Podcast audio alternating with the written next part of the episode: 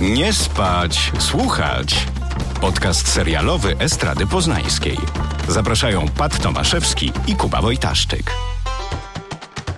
Dzień dobry Państwu, witamy w kolejnym odcinku podcastu Nie spać, słuchać. Koniec roku zapasem, więc przyszedł czas na podsumowanie serialowe. Tym razem zajmiemy się tymi najlepszymi serialami drugiej połowy 2021. Pół roku temu gadaliśmy o, o, o tej pierwszej połowie i wtedy zauważyliśmy, Pat, nie wiem czy pamiętasz, że e, no te serie... To jest pytanie retoryczne. No, pewnie nie pamiętam. Więc zauważyliśmy wtedy, że, a może ja tylko marudziłem, że ten rok, tamte półrocze nie było wcale takie fantastyczne, że bardzo dużo seriali przez pandemię zostało przesuniętych, nie wiedzieliśmy kiedy, kiedy, kiedy będą i też mieliśmy nadzieję, że będą one spływać właśnie w drugiej połowie 2021. Wtedy zwróciliśmy uwagę na Mel's Easttown, to pewnie też świadczy bardzo dobrze o, o serialu Winslet, że jakby ja mam go w pamięci najbardziej z tamtego, z tamtego półrocza. Zgadzam się. Cały czas pamiętam koniec odcinka piątego i moją reakcję na to, jak razem z tobą dostaliśmy odcinki przedpremierowo i chciałem z tobą się podzielić wrażeniami, a ty mówisz, nie, nie, ja poczekam z oglądaniem, poczekam. I nie miałem z kim porozmawiać o tym. To prawda, ja sobie dozowałem tę przyjemność. To, to drugie półrocze, które teraz się zamyka, nie jest również dla mnie zbyt fascynujące. Pod względem oczywiście serialowym. Czy my znowu wchodzimy w opcję pod tytułem Dwa zgredy? No może nie, no ale jak, jak myślisz? Jak, jakie masz takie ogólne, ogólne wrażenie na, na temat tego, tego, tego semestru, chciałem powiedzieć, tego półrocza? Ten semestr jest taki, że jest za dużo zajęć. Uważam, że jest za dużo grzybów w baczu, jest za dużo telewizji. I mówię to konsekwentnie od kilku lat. Mamy zbyt obszerną ofertę, by sprawdzić i odsiać najlepsze rzeczy. Za dużo telewizji jest. Poczekaj, jeszcze to, za dużo. Ale to właśnie o to chodzi, że jest za dużo i bardzo często te produkcje są bardzo średnie. Tutaj wystarczy podać większość seriali, tak 99% seriali Apple'a, które są do kosza. No, że w sensie, że o koszykówce? Tak, o koszykówce. A, a propos koszykówki, w przyszłym roku będzie fajny serial o koszykówce, ale do tego dojdziemy innym razem. I właśnie z tego takiego nadmiaru i dobrego marketingu, no bo jednak na przykład Apple te seriale po prostu aż wołają, że obejrzyj nas i ty chcesz to zrobić, bo one mają bardzo fajny premis, e, no ale wykonanie jest często bardzo średnie. Tak, ale przedłużyli na przykład inwazję na drugi sezon, to oni Widziałem. już z wczoraj. Czy to dobrze? No. Dla jednego wątku chyba tak. No, ale wiesz, to jest też tak, że oni dali tyle kasy na to, że trudno, żeby się teraz wycofali. Mam takie wrażenie. Tak samo przy okazji The Morning Show. O nie, znam fajny serial? No, bardzo, bardzo fajny. Obejrzyj sobie. Zbinduj sobie. Dlatego, dlatego tworząc moją listę, miałem nie lada zadanie i postawiłem na taki vibe, który towarzyszył mi e, podczas oglądania. Częściowo musiała to być taka specyficzna atmosfera wykreowana przez twórców i twórczynie, albo zapierający dech w piersiach gra aktorska, wiesz, mhm. wreszcie albo wybitne jakieś przedstawienie post psychologii postaci mm, i takie, wiesz, przyglądanie się tym bohaterom i bohaterkom przez takie mm, szkło powiększające. Czy to jest seria Kochanie zmniejszyłem dzieciaki? Tak, to jest właśnie to. Odświeżyłem sobie i uznałem, że to najlepszy serial mijającego roku. A y, na czym ty się skupiłeś, y, tworząc, tworząc tę listę? No ja nie będę udawał, że siedziałem tygodnie nad tą listą, ponieważ napisałem ją 8 minut temu. Spałem dwie godziny. To się nazywa wybitne podcastowanie. Dzień dobry. Ojejku, tak bardzo. No ale jako, że my oglądamy non-stop, non-stop i oglądamy już produkcje, które będą, to trochę mi się zamazały te wszystkie tytuły i patrzyłem na to, które mi dały najwięcej przyjemności które moja pamięć, określana durszlakiem, zresztą bardzo trafnie, była w stanie wyłonić z tego oceanu produkcji obejrzanych. I też to są seriale, które we mnie wzbudziły albo skrajne, albo bardzo pozytywne emocje. No dobrze, to może ustalmy takie ramy. Chcę tylko to potwierdzić. Mm. Emocje, czyli liczba mnoga, więcej niż jedna emocja. Nie znam. To może ustalmy takie ramy. Witamina A, D3 oraz E.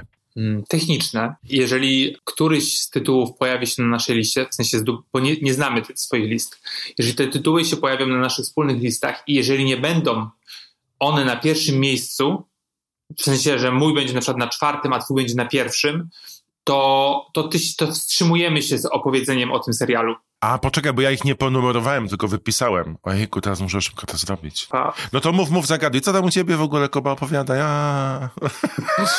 a wszystko w porządku, Patrycjuszu. Nic się nie zmieniło. Jest, są, są nowe seriale, których nie widzieliśmy. Na przykład dzisiaj nagrywamy to w czwartek. Ma premierę nowa odsłona Seksu w Wielkim Mieście i też wczoraj bodajże premierę miał nowy serial z Oliwią Colman, miniserial, do Tak. którego też nawet nie zdążyłem usiąść, więc tych seriali na pewno nie ma na naszych listach, ale wydaje mi się, że pod koniec roku, kiedy będziemy rozmawiać o planach telewizyjnych na rok 2022, pogadamy o tych dwóch produkcjach, bo one chyba są takie najbardziej, najbardziej nas ciekawią. Jak, jak, jak po- podeszli em, twórcy do Seksu w Wielkim Mieście, nie wiem jak ten tytuł nowy jest, And just like that. I tak po prostu. i do tego seri- serialu z Coleman, to jest jakiś taki... Landscapers. La- Landscapers. To jest jakiś taki kryminalny. Olivia Colman jako być może morderczyni, no to jednak um, może być gratka. No, ale to jest obyczajowo kryminalne o parze, która wiedzie spokojne życie i nagle się okazuje, że w ich ogródku są zakopane dwa ciała. Ulala. Olivia Colman miała niewątpliwie bardzo busy e, rok. Właśnie, ty czaisz, że jest już rok od premiery The Crown czwartego sezonu? Rok, Kuba, 12 miesięcy. I w tym roku nie ma. Ja pierniczę w ogóle. Ten czas to moja babcia zawsze mówi, ch- chytry mały... Dobra, ponumerowałem. Okej, to zaczynam. No i teraz tak, przypomnijmy, że mówimy o serialach, które miały premierę od y, lipca do teraz, tak? Tak. Trzeba zdobyć jakieś intro do tego. Podsumowanie roku. Nie spać, słuchać. This year's recap. Bardzo, bardzo piękny, jak to intro, bardzo wspaniałe. Wybitne. Dobrze. Rekapitulacja podcastu Nie spać. Słuchaj, Dwa zgredy. Co się podobało z Gredą w telewizji? Na piątym miejscu jest to serial pod tytułem Ted Lasso. U, ja mam Teda na czwartym. Dobrze, no to, no to fajnie. Czyli chcesz powiedzieć pierwszy na przykład? Czy... Nie, masz pierwogłos, proszę. Dobrze, no to jest drugi sezon hitowego serialu od Apple TV+. I believe in communism. Rom communism, that is. If Tom Hanks and Meg Ryan go through some heartfelt struggles and still end up happy, then so can we. All right, let's go kick their butts. Butts on free. Works for me. One, two, three. w którym oglądamy perypetię tytułowego Teda, czyli y, Jasona Sadekisa, trenera klubu futbolowego. On się nazywa Richmond, ten klub w Wielkiej Brytanii. Yes. E, No i, no i Ted nie ma pojęcia, z czym piłką, piłkę nożną się je. No i pierwszy sezon mm, to taki pandemiczny serial, który wprowadza nas w dobry nastrój. No i właśnie głównie przez, e, przez Teda, dla którego nie ma rzeczy niemożliwych. Do tego jest taki dorany przyłóż, zawsze sprawiedliwy, zawsze pozytywnie nastawiony do pracowniczego otoczenia.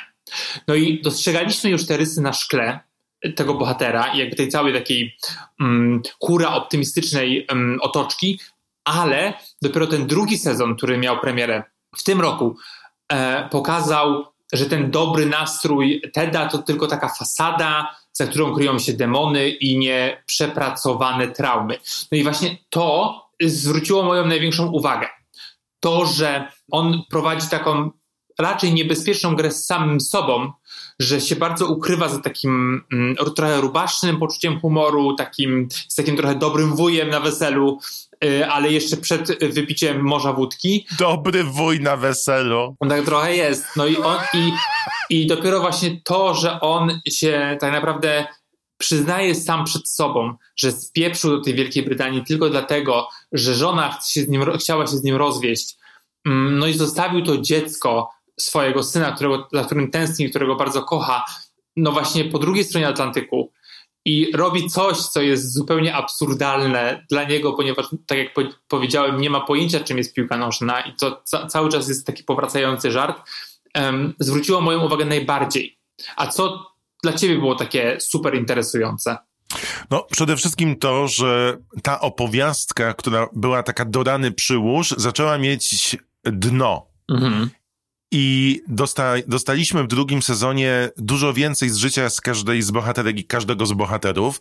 To mnie się spodobało. Podobało mi się to, że scenarzyści, producenci, y, reżyserzy już wiedzieli, w którym kierunku iść z bohaterami i tylko budowali naszą relację z nimi, e, nie skreślając ich, nie robiąc z nich postaci jednowymiarowych. To mi się bardzo spodobało. E, złapał mnie za serducho już w pierwszym sezonie Ted Lasso ze względu właśnie na to, że to jest taki feel good serial. Tak. I dodał głębie do tego, czyli że coś się za tym kryje, że to nie jest sztuczne, lukrowane tak po prostu w tym momencie takie nierealne. I to, że poruszył problemy mentalne w drugim sezonie, bardzo mi wywindowało Mhm. ten serial. Na zasadzie, aha, czyli to od początku było zamierzenie twórców. Fajnie, że mają plan na te trzy lata minimum dotyczące rozwoju tych postaci. I ja po prostu lubię tych ludzi. Naprawdę. I każdego z osobna jestem w stanie jakoś ugościć w swoim domu telewizyjnym.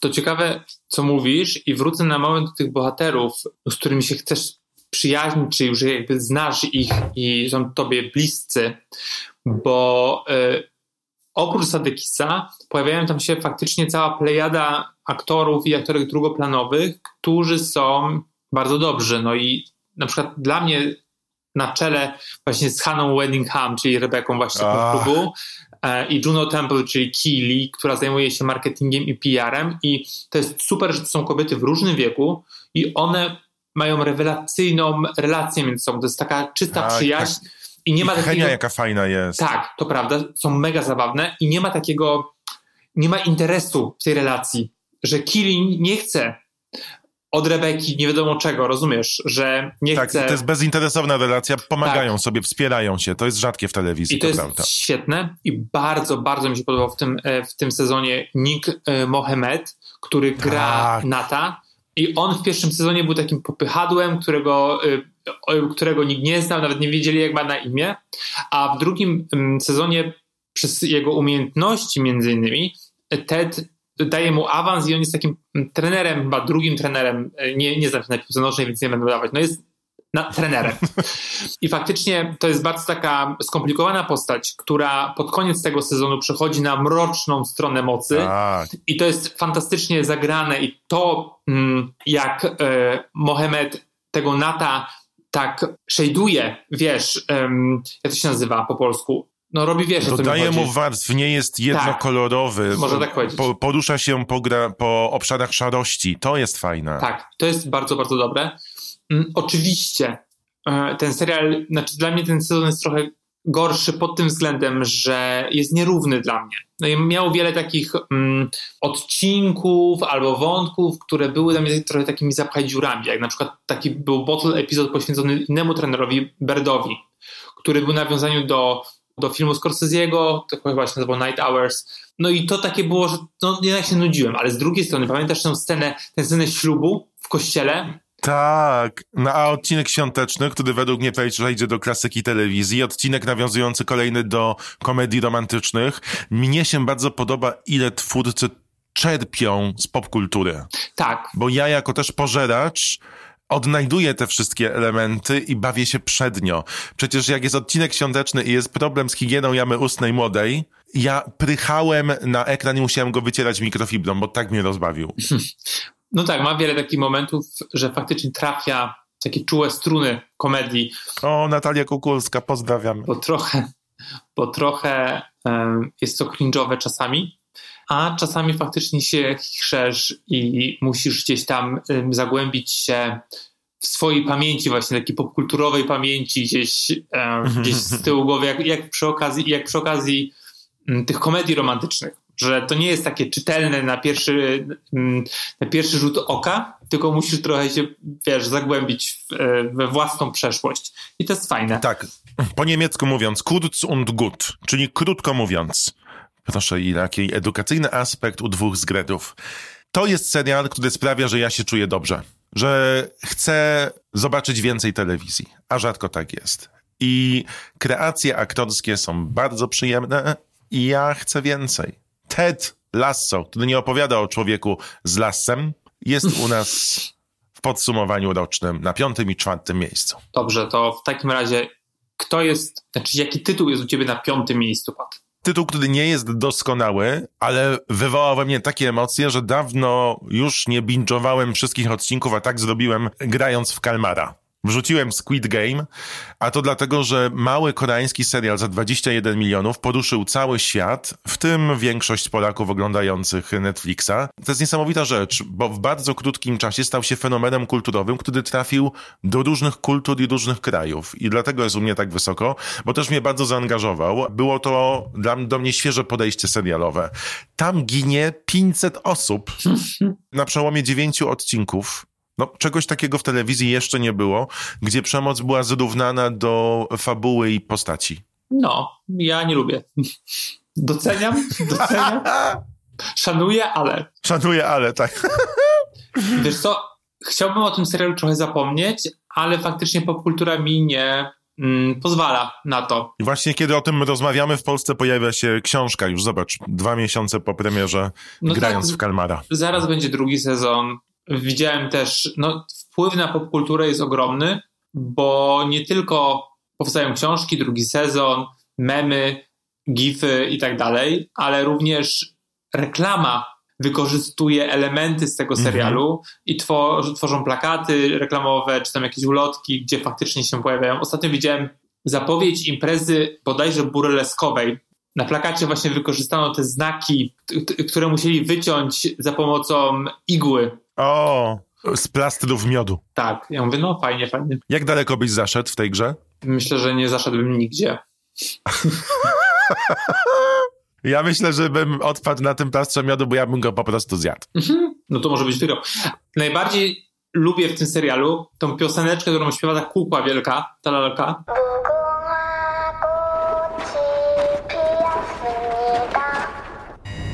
I po skończeniu, to była, była pierwsza konkurencja, i po skończeniu całości obejrzałem na YouTubie klipy tej piosenki, tej piosenki, z, tak. z dubbingiem różnych krajów.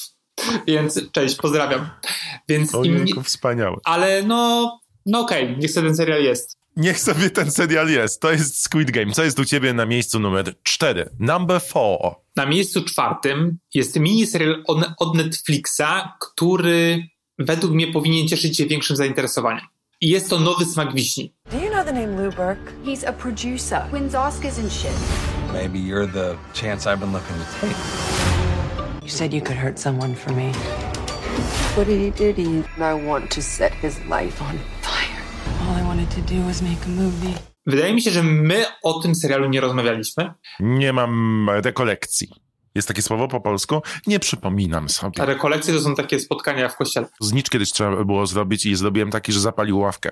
No ale to inna opowieść. Mhm. Nowy Smak Wiśni osadzony jest w 1990 roku w Los Angeles. Główna bohaterka Lisa Nowa, którą gra Rosa Salazar, jest aspirującą reżyserką, która wyrusza do miasta aniołów w poszukiwaniu wielkiej kariery. Jej krótki metraż został właśnie dostrzeżony przez ważnego hollywoodzkiego producenta Luberka i on jest takim stylizowanym na y, Harvey Weinsteina kolesiem. Tak, no i właśnie obiecuje on, że stworzy z jej krótkiego metrażu pełnometrażowy film, oczywiście z nią za kamerą. No jednak szybko się okazuje, że jeżeli ona się z nim nie prześpi, no to nic z filmu. Dziewczyna mówi spieprzaj dziadu i Berg oddaje pałeczkę reżyserską kolesiowi. Ona oczywiście jest podłamana, że życie jej się nie układa. No i wtedy pojawia się Boro, czarownica Boro, którą gra królowa Catherine Kinner. I Catherine Kinner obiecuje tej dziewczynie, tej, tej lisie, że ona jej pomoże odzyskać to, co jej się prawnie należy. I zapłatą mają być małe kotki, które lisa wymiotuje. I to jest wspaniałe. Ale the... tak, i jak wiemy, magia oraz chęć zemsty rzadko idą w parze. No i nie. Magia, hejt zemsty, mała syrenka? Nie, jaka mała syrenka? Jaka mała syrenka? No bo to brzmi jak mała syrenka, jak wymiana z czarownicą. No tak, to coś takiego jest. Z taki miszmasz akcji mitu i filmów Lyncha. I tak, i twórcom i twórczyniom udaje się stworzyć taki psychodeliczny nastrój wyciągnięty z filmów neo-noir z lat 80. To jest genialne i nie wszystkie rozwiązania fabularne są interesujące, ale kobiece spojrzenie na Hollywood jest bardzo ciekawe. Mam wrażenie, że takie, takie, przez takie narkotyczne okulary, no bo faktycznie jesteśmy w takim, takim stanie trochę pomiędzy, że jest ta magia, ona rodzi te koty tymi ustami. To jest niesamowite. I dla mnie to jest, była bardzo fajna przygoda. Chciałem więcej. Ten nastrój był um, niewidziany przeze mnie wcześniej. Jak my to przegapiliśmy? To jest... No ja obejrzałem to od razu, jak było. I na przykład ba- bardzo lubię oczywiście Kinner, która po Get Out coraz częściej przyjmuje rolę takich oryginalnych wilanek, takich wiesz. Ona jest jednocześnie szalona, zblazowana, ale sprawiedliwa, jak po prostu Lady Gaga w, w Gucci. I też świetna jest Rosa Salazar, którą ja kojarzę z animacji Andon od Amazona. To jest taka animacja, gdzie grano, aktorzy, aktorzy i aktorki grali, a później tworzono z tego animację, już nie pamiętam jak to się nazywa. To jest bardzo, bardzo fajne. Motion capture. Tak. Tak, no i, i ten serial jest naprawdę dobry. Jest taki, Jak wiesz, się nazywa? y, nowy smak wiśni. To jest to z tym cherry. Tak, tak, tak, tak, tak, tak. Y, y, New Wild Chili Flavor? Tak, a nie, no to to kojarzę. Po polsku myślałem, że to jest jakiś azjatycki. Mówię sobie, nowy smak wiśni.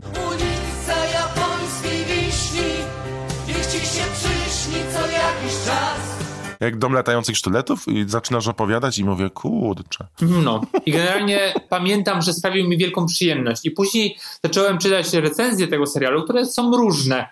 I raczej takie chłodne. Takich seriali się nie tworzy. A jak smakuje wiśnia na nowo? Bardzo pysznie. Tak jak Magnum. Śliwką. Śliwką. Ja chciałem tylko powiedzieć coś, co jest całkowitą dygresją, że ty mówisz berg, ja sobie przypomniałem, że są takie marcepany i od razu je zamówiłem. Dziękuję. Z alkoholem.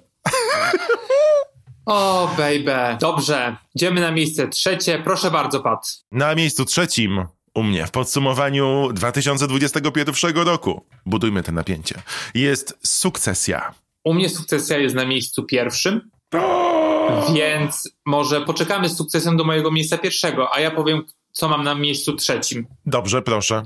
U mnie na miejscu trzecim jest serial Yellow Jackets, ponieważ żadna tegoroczna produkcja nie sprawiła mi tyle przyjemności podczas oglądania. Jestem na czwartym bodajże odcinku. E, Jak dzisiaj e, mam premierę nasz, nasz odcinek, to pojawia się piąta odsłona tego, tego serialu. Przypomnijmy, to jest nowa produkcja kanału Showtime, która jest wprowadzona razem z Dexterem, z nowym sezonem Dextera. I twórcy, mówi się zresztą za kulisami telewizyjnymi, że nowy sezon Dextera jest takim wprowadzeniem serialu Yellow Jackets. Specjalnie połączono te dwa tytuły, żeby tuż po Dexterze widownia została i zobaczyła nowe odcinki Yellow Jackets, który ma bardzo ciekawy rys fabularny. Bardzo ciekawy, bo łączy Władcę Much z Lost Zagubionymi jednocześnie z Mean Girls. Najważniejsze, że to jest moja, moje miejsce trzecie, a Pat właśnie wszystko streszcza. The plane crashed. A bunch of my friends died.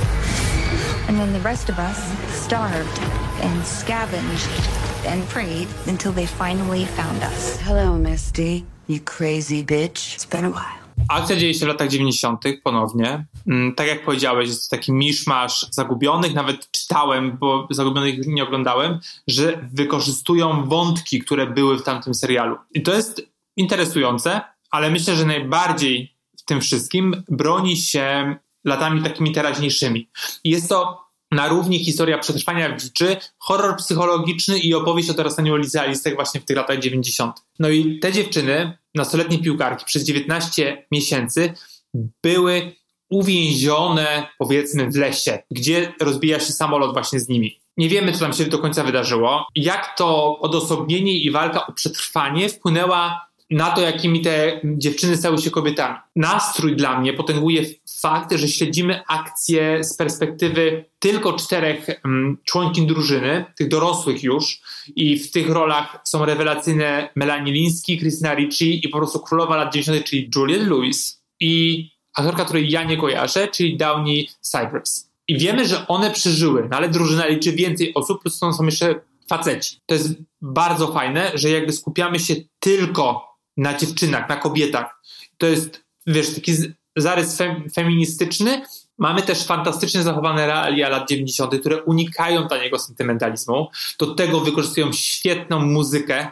Na przykład ten całe intro e, tego serialu jest absolutnie fantastyczne, zrobione na jakby na kasecie wideo. No i te idące równolegle narracje, czyli ta z lat 90. w tym lesie i to 25 lat później, no są bardzo dobrze zrobione, a to za sprawą nie tylko scenariusza, ale świetnego castingu, bo i zarówno tych dorosłych kobiet, które przeczytałem, są absolutnie są fantastyczne, jak i te nastoletnie odpowiedniczki. No dla mnie bomba. Podobno są złe sceny gry w piłkę, ale ja się, jak rzucaliśmy, na piłce nie znam, więc jakby to zupełnie mi nie przeszkadzało. Nie jest to kolejny serial o nastolatkach i chciałem powiedzieć, że Chris Nari, czy Juliette Lewis i Me Melanie Linsky, to są, zwłaszcza te dwie pierwsze, to są mega znane, znane aktorki. Melanie jest bardziej w takich sundance'owych klimatach znana i one nie są producentkami w tym serialu. I nie trzeba być producentką, żeby zrobić super serial. Dzień dobry, Reese Witherspoon, Jennifer Aniston, Nicole Kidman.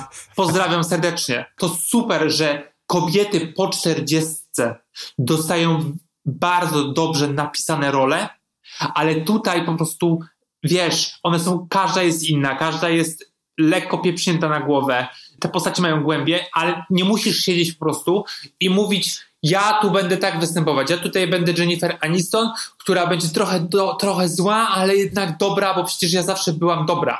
Tak, i nie wie, czym jest poczucie humoru. Dokładnie. I to jest naprawdę dla mnie dodatkowy plus tego serialu. Tak, jest to bardzo świeża propozycja i też ciekawe jest to, że jak podtytują nastolatki, to nie starają się ich wybierać. Tak. Oznacza to, że one dokonują złych wyborów, nie zawsze to są dobre postaci i to jest bardzo świeże do oglądania w tym kontekście. Nastolatki nie zachowują się zawsze dobrze, w większości są złe dla siebie też. To, jak one reagują między sobą, jest bardzo ciekawie sportretowane. Bardzo dużo się mówi o serialu Yellow Jackets teraz. Zresztą dzień przed nagraniem tego podcastu ogłoszono mm, nominacje do nagród krytyków, Critics' Choice Awards i ten serial, mimo opublikowanych, wyemitowanych trzech odcinków, zdobył już dużo nominacji, w tym za najlepszy serial. Christina Ricci jest w nim bardzo fajna. Tak, tak. No, też jest bardzo dobre wykorzystanie Julie Louis, bo dostajemy to, co chcemy. Trochę się jej boimy, ale jednak jej kibicujemy. Z wielką przyjemnością co niedziela wracam do tego lasu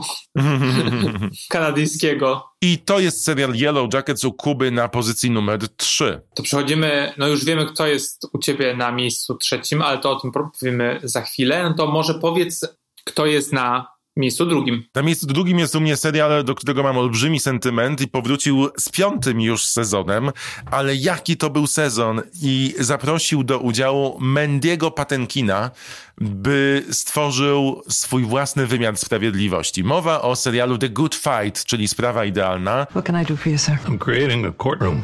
That's how revolutions are made. Back rooms at copy shops. I don't understand anything anymore. Welcome to 2021. Call your witness, bro. I am Detective Starkey with the FBI. We understand we don't need the musical introduction.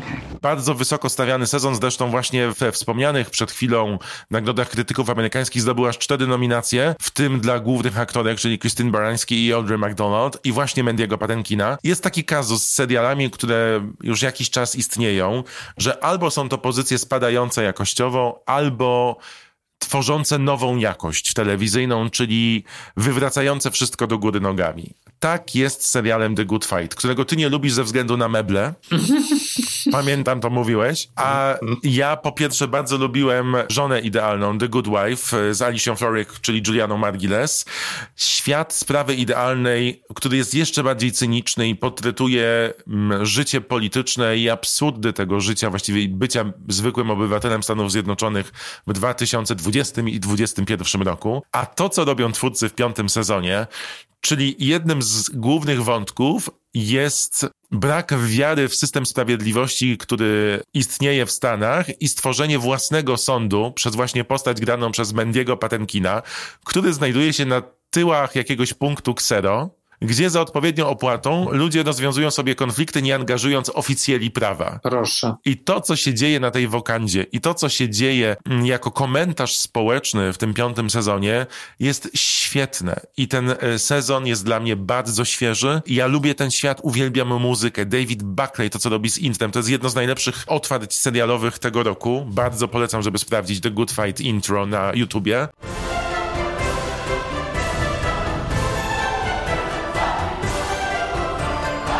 Bardzo mnie złapało. Wyżej niż sukcesja, co mnie zdziwiło, bo zresztą o tym rozmawialiśmy w tych odcinkach specjalnych sukcesji, że pamiętam przy drugim sezonie, jak ona mnie o, tak łapała.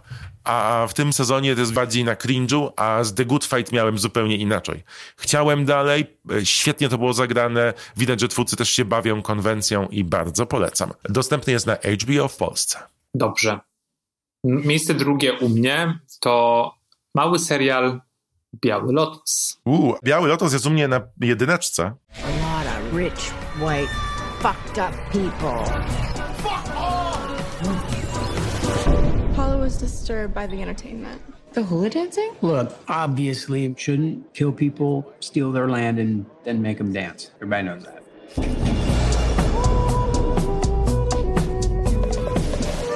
No, no to pogadajmy o tym. Wiesz, że ten serial nie powstałby, gdyby nie kwarantanna? Tak. Bo Mike White, czyli producent, jest też scenarzystą, aktorem, występował w ogóle e, w, w Survivor, tak jest ten, ten, ten reality show amerykański. Tak, Rozbitkowie albo Wyspa, Wyprawa Robinson chyba to po polsku, to miało dwa tytuły. W każdym razie on również, również tam występował, ale też nic dziwnego, że musiał w jakiś sposób zarabiać, bo po Iluminacji, gdzie stworzył dwa sezony dla HBO z Laurą Dern, nie mógł sprzedać żadnego pomysłu kolejnym stacjom telewizyjnym. No dopiero w pandemię, jak stacje na gwałt poszukiwały nowych scenariuszy, HBO do niego uderzyło i mówi, no weź nam, daj nam coś. No i on padł na pomysł tego Białego Lotosa i pozwolono mu nie tylko wybrać, gdzie chciałby umieścić akcję tego serialu. Uwaga, musi być, wiesz, w jakimś takim reżimie sanitarnym, ale też e, wybrać takich aktorów i takie aktorki, które on chce. No i, no i tak powstał Biały Lotos. No i to jest rozprawa z białymi, bogatymi, uprzywilejowanymi w bajecznej scenografii ekskluzywnego resortu na Hawajach. Czego można chcieć więcej? Jeszcze czołówki z tapetą i wspaniałą muzyką. Tak. To jest serial o uprzywilejowaniu, o kolonializmie. Jest to serial o portrecie białego człowieka w roku 2021. O klapkach na oczach, o nieumiejętności zbudowania bliskich kontaktów, o potrzebie tego kontaktu. I to wszystko jest ukryte w bardzo delikatnej opowieści wakacyjnej. I to jest super, wydaje mi się, że nikt z nas się nie spodziewał i też nie wiedział, czym ten biały lotos będzie, bo żaden zwiastun nie jest w stanie oddać tej opowieści. Produkcje Mike'a White'a są bardzo hybrydowe. Trudno je też skategoryzować, bo tak było z Iluminacją, tak jest z białym lotosem. I wszyscy mieli zagwozdkę i też rozmawialiśmy o tym, jak była premiera zwiastuna. Co to jest? Jak tam nie ma fabuły przecież, a jednocześnie wchodzisz z każdym odcinkiem głębiej w te postaci i małe rzeczy stają się wielkie. Ta muzyka staje się taka bardzo klaustrofobiczna tak. i obserwujesz rodzinę, obserwujesz poszczególne bohaterki i bohaterów i mówisz sobie, jak to jest napisane. Wow! No i to jest też tak, że on faktycznie zatrudnił wspaniałych, wspaniałych twórców i twórczynie i na, na czele po prostu z Marejem Barletem, którego możecie kojarzyć z Looking i on jest zarządcą tego hotelu, takim menadżerem. Jest właśnie Jennifer Coolidge, pojawia się Connie Britton, która jest wspaniała, Steve Zane, ale też właśnie Jake Lacey, który w ogóle odgrywa inną postać niż dotychczas kojarzyliśmy. Taki, nie jest takim miłym kolesiem, którego znamy, nie wiem, chociażby z dziewczyn. Oni wszyscy po prostu w tej ostrej jak brzytwa satyrze dostarczają, wiesz, głośnych rechotów z jednej strony, że się śmiejesz, patrzysz na tych wariatów, zwłaszcza na Jennifer Coolidge, która jest mistrzynią, ale z drugiej strony kręcisz z niespakiem głową, ale też pojawiają się takie momenty, kiedy ze wstydem przyznajesz, że no przecież to jest o mnie. I, I to jest najgorsze, bo ci ludzie są, oni nie są do końca źli. I to jest chyba mm, taka kwintesencja tego serialu, że, że nie możesz do końca ich znienawidzić. Że mają takie elementy i to jest właśnie, to jest właśnie e, mistrzowskie pisanie White'a, że nie ma, że tam jest takie um, bardzo dobre cieniowanie postaci, cieniowanie um, akcji i tak naprawdę nie wiesz, jak masz się do tego do końca ustosunkować. I to uważam za największy sukces tego, um, tego serialu. No tak, plusy tam też jest Alessandra, tak, którą tak. ja bardzo lubię.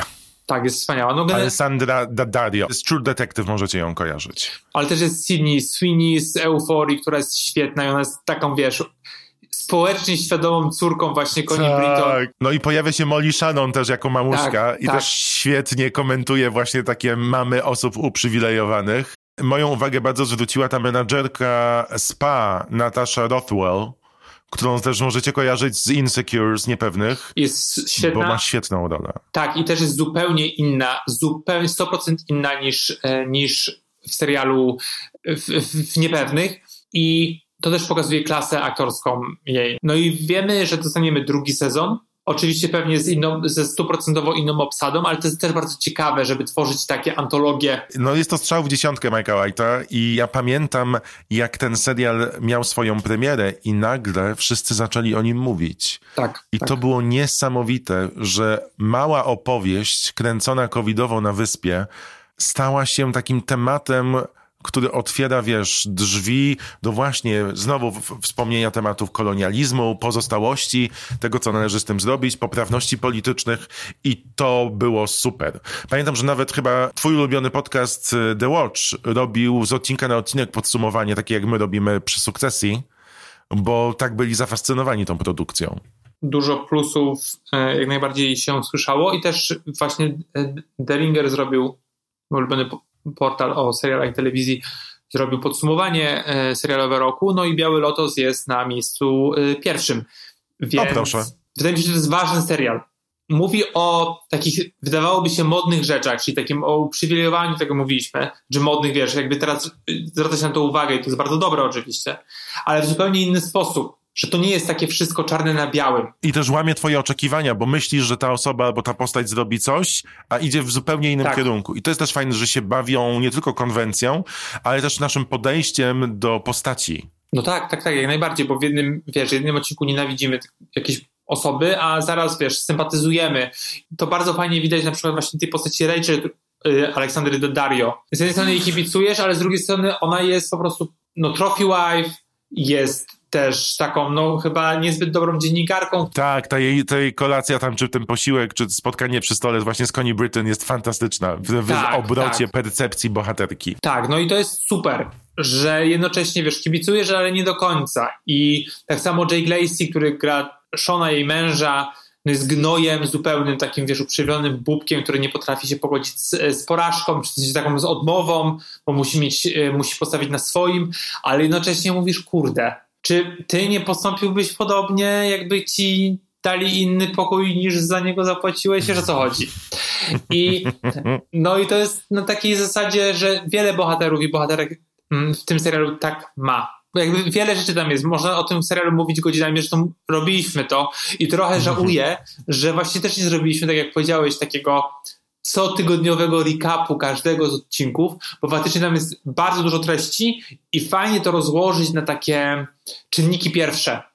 Tak. Że przyglądać się z taką lupą. I to oczywiście White robi, ale fajnie to jeszcze, wiesz, przełożyć przez pryzmat taki oglądania takiego krytycznego bardziej. Tak, ale dodatkowo jak to jest wszystko ubrane, światło, zdjęcia, muzyka, ruch kamery, wątki, montaż, to jest też świetne w tym serialu, że to jest taki kompletny zestaw, taki prezent opakowany z ładną kokardą, który zaskakuje cię co odcinek. I bardzo polecam, tam jest chyba tylko sześć, jeżeli się nie mylę. Tak, albo osiem. I jeżeli jeszcze nie mieliście okazji zobaczyć, to to jest u mnie najlepsza pozycja tego roku. Razem z Mercystem, no ale ona była w poprzednim podsumowaniu.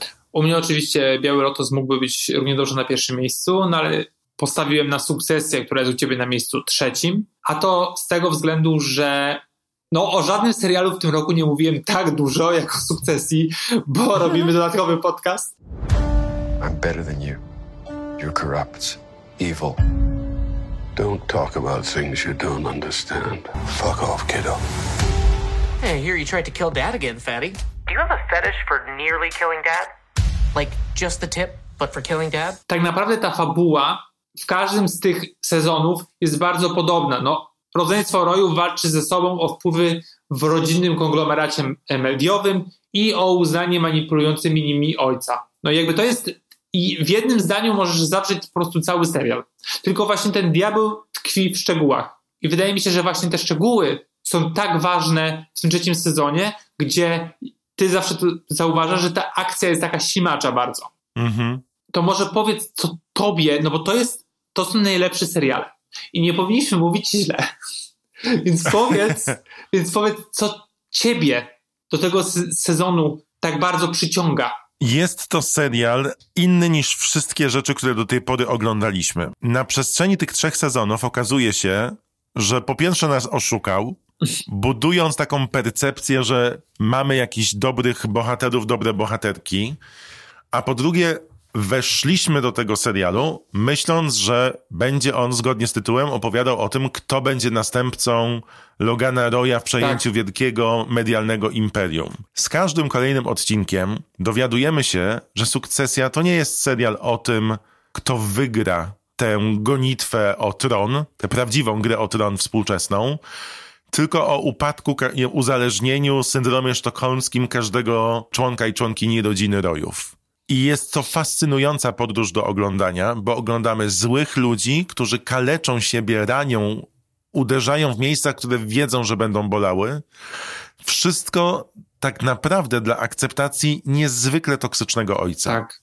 I kiedy o tym mówimy, to osoby z zewnątrz reagują, Boże, po co ty to sobie robisz? Jejku, naprawdę. Ale to psychologiczne studium tych postaci, tej sytuacji, tego jednego procenta, gdzie zaglądamy za te kurtyny i okazuje się, że tam super terapia, hiperterapia jest potrzebna, jest niesamowite do oglądania, bo wywołuje takie emocje, mimo że nie masz nic wspólnego z tym światem. Ja do dzisiaj pamiętam wszystkie emocje, które towarzyszyły mi oglądaniu drugiego sezonu. Z odcinka na odcinek nie mogłem przestać myśleć o tym, co się dzieje w tej rodzinie. W trzecim sezonie mam zupełnie inne odczucia, bo wchodzimy w taką bratobójczą Kain i Abel taki po prostu, bitwę Mm. między sobą, gdzie już wszyscy walczą ze sobą, co ostatni odcinek nam pokazał. I mówię sobie, kurczę, dlaczego ja to oglądam? I to jest taka mieszanka dla mnie cringe'u z fascynacją i rzeczywiście z obserwowaniem złych ludzi dokonujących złych wyborów i świadomie siebie krzywdzących. Tak, tak, masz rację. No i to właśnie to jest siła Jesse'ego Armstronga, czyli twórcy tego, tego serialu, który zaprosił rewelacyjnych reżyserów i reżyserki do poszczególnych odcinków, jak również scenarzystów i scenarzystki. I słuchałem wywiadu, dobierano reżyserów i reżyserki do takiego motywu przewodniego poszczególnych odcinków i to jest mega fajne, że jakby nie, że wiesz, na chybił trafił trochę bierzemy, że weźmiemy wielką gwiazdę reżyserii, żeby nam nakręcił odcinek, ale wręcz przeciwnie, że ten pomysł na poszczególną część serialu jest ważniejszy niż to, kto kręci. I siłą scenariusza tego serialu jest to, że wiesz, to tylko w tym serialu możesz mieć coś takiego, że patriarcha rodu, czyli Logan, w jednym odcinku przyczynia się do mianowania kandydata na prezydenta faszysty, a w następnym może pogrążyć swoją firmę tylko przez to, że nie wziął lekarstw na infekcji dróg moczowych. To jest takie absurdalne, a jednocześnie to wszystko gra. No i wiesz, i wszystkie bohater, wszyscy bohaterowie i bohaterki tkwią w takim piekle własnych machinacji. Że nawet Kendall, czyli po prostu Jeremy Strong, który jest mistrzem świata, jest gotowy odłączyć się od rodziny, ale zauważa, że ucieczka nie jest możliwa. Tak ten serial widzę, że są takie połączenia pomiędzy, pomiędzy postaciami. Takie sznureczki i te, na końcu te wszystkie sznurki trzyma w wielkiej łapie Logan Roy. I on mówi, co mają robić. On jest tym demiurgiem.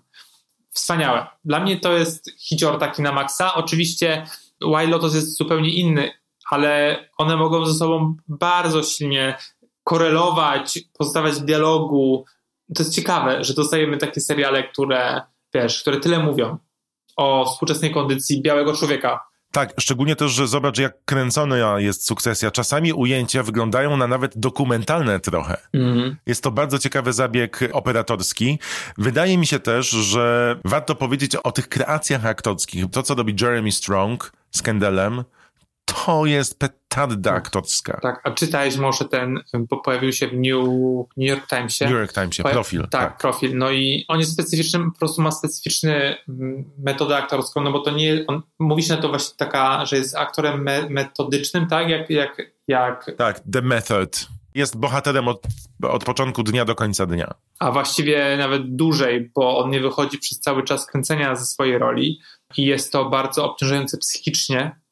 Generalnie on się też alienuje i bardzo mało robi prasy, więc jak oglądaliśmy na, na początku, jak zaczynała się sukcesja, wszystkie te um, wizyty w studiach i tak dalej, gdzie spotykała się cała plejada aktorska z sukcesji, no to właśnie Jeremy Strong był rzadko albo pra- praktycznie w ogóle obecny. No i po prostu wiemy, że znaczy my speku- spekulowaliśmy trochę, że on jest, no wiesz, alienem takim, ale dzięki temu dostajemy po prostu, no, no petardę, tak jak powiedziałeś. I to jest y, sukcesja, według mnie sezon drugi mnie bardziej łapał, dlatego u mnie spadło na trzecie miejsce w podsumowaniu do drugiej połowy 2021 roku, bo Biały Lotos złapał mnie bardziej, a to, co się działo na planie Good Fight też jakoś mnie, bardziej mną wstrząsnęło, ale Sukcesja jest nadal wspaniałym serialem i trzeba przyznać, że angażuje bardzo. Nagrywamy ten odcinek jeszcze przed emisją finału trzeciego sezonu, więc nie wiemy, w którym kierunku to wszystko się potoczy, ale no, nie mogę się doczekać ponownego spotkania z tymi złymi i okropnymi ludźmi. Dokładnie jutro będziemy recapować finał. Może teraz jeszcze tak rekapitulując, wymieńmy te swoje top 5, żeby w jednym miejscu ładnie to brzmiało. U mnie na piątce jest Ted Lasso, na czwartym jest Nowy Smak Wiśni, na trzecim Yellow Jackets, na drugim Biały Lotos i na pierwszym Sukcesja. Podsumowanie Pata, druga połowa roku 2021, miejsce pię pięte. Miejsce pięte. Miejsce piąte Squid Game, miejsce czwarte Ted Lasso, na trzecim Sukcesja, na drugim piąty sezon The Good Fight, na pierwszym Biały Lotos. To było Nie Spać Słuchać. Dziękujemy. Bardzo dziękujemy. Nie spać, słuchać. Producentem podcastu jest Estrada Poznańska. Wszystkie odcinki znajdziesz na estrada.poznan.pl.